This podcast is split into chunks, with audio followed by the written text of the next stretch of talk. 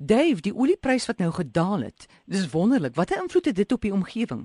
Die eerste stukkie fabelagtige nuus dat fracking lê aan flarde. Dat is nou 'n alliterasie hier pleeg.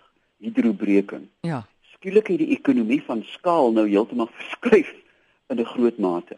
En jy kan sien reg oor die wêreld word al die prospektering opgehef, nie in Suid-Afrika helaas nie, maar daar is skielik ernstige bedenkinge oor een die kunsmatigheid van die olieprys nou weet ons dat ons blind bevark is vir 10 jaar. Hulle verkoop dit nog steeds vir 'n wins. Die rede hier agter is om Putin van Rusland bloedneus te slaan. Dit het niks met die omgewing te doen, dis 'n politieke skuif wat die olieprys laat halveer het. Die Noordsee olievelde is onekonomies. Hulle kan nie teen 50 dollar die die vat pomp nie. Hulle is in die water. Het Skotland byvoorbeeld die politieke implikasie het hulle gestem vir onafhanklikheid was hulle nou mors dood. Het hulle 'n paar maande gelede gesê hulle wil onafhanklik wees van Engeland, hulle het gesê, "Na, na, na, na, na ons het olie." Hulle het nie, nie teen die prys nie.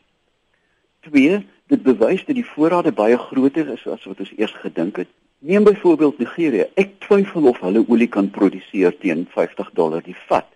Daar's groot probleme en dit natuurlik is die probleem met lande wat hulle totale ekonomie op een produk bedryf. Daar is ons veilig want ons het goud in in aardappels en ons het wyn as die krag aan is, jy verstaan. Maar dan is daar verskriklike nadele.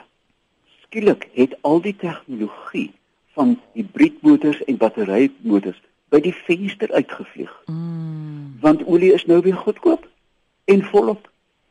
So, jy weet dit is 'n 'n tweesnydende swaard hierdie hele ding eh, dat al hierdie toegewyde navorsing oor hibriedkrag en batterykrag, windkrag geskielik nou raak by die dag duurder want dit kan nie kompeteer met 'n lae olieprys nie. Nou word alles weer op die op die plaas geplaas tot tyd en wyl dit weer die hoogte inspring en dan gaan ons weer. Nou, die rede hier agter is baie eenvoudig en dit geld vir ons soos vir Engeland vir Amerika. Geen land kan fundamentele verandering in hulle omgewingswetgewing aanbring met 'n 5 jaar demokratiese presidentskap nie. Hoor jy wat ek sê? Daar is nie genoeg tyd in 5 jaar om fundamenteel nie. Daarom is 'n slegte koning beter as 'n as 'n halfwas president. Geef my dalk vir Charles vir 30 jaar en ek kan met die mismoedige man werk. In plaas van oom Jacob Die probleem van baie van die presidentsiële kandidate is, luister mooi wat ek vir sê, hulle verstaan nie dat hulle nie verstaan nie.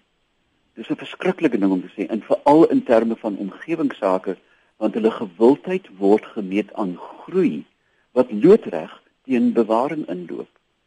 So, die olieprys is goed in die sin dat dit hidrobreking 'n nekslag toegedien het tot dit weer styg. Ons het tyd om na te dink, ons het tyd om nog navorsing te doen oor die waarskynlike bewese nadele daarvan, maar ongelukkig vir die motorbedryf. Nou jag almal netlik vir die vaal rond want brandstof is weer goedkoop.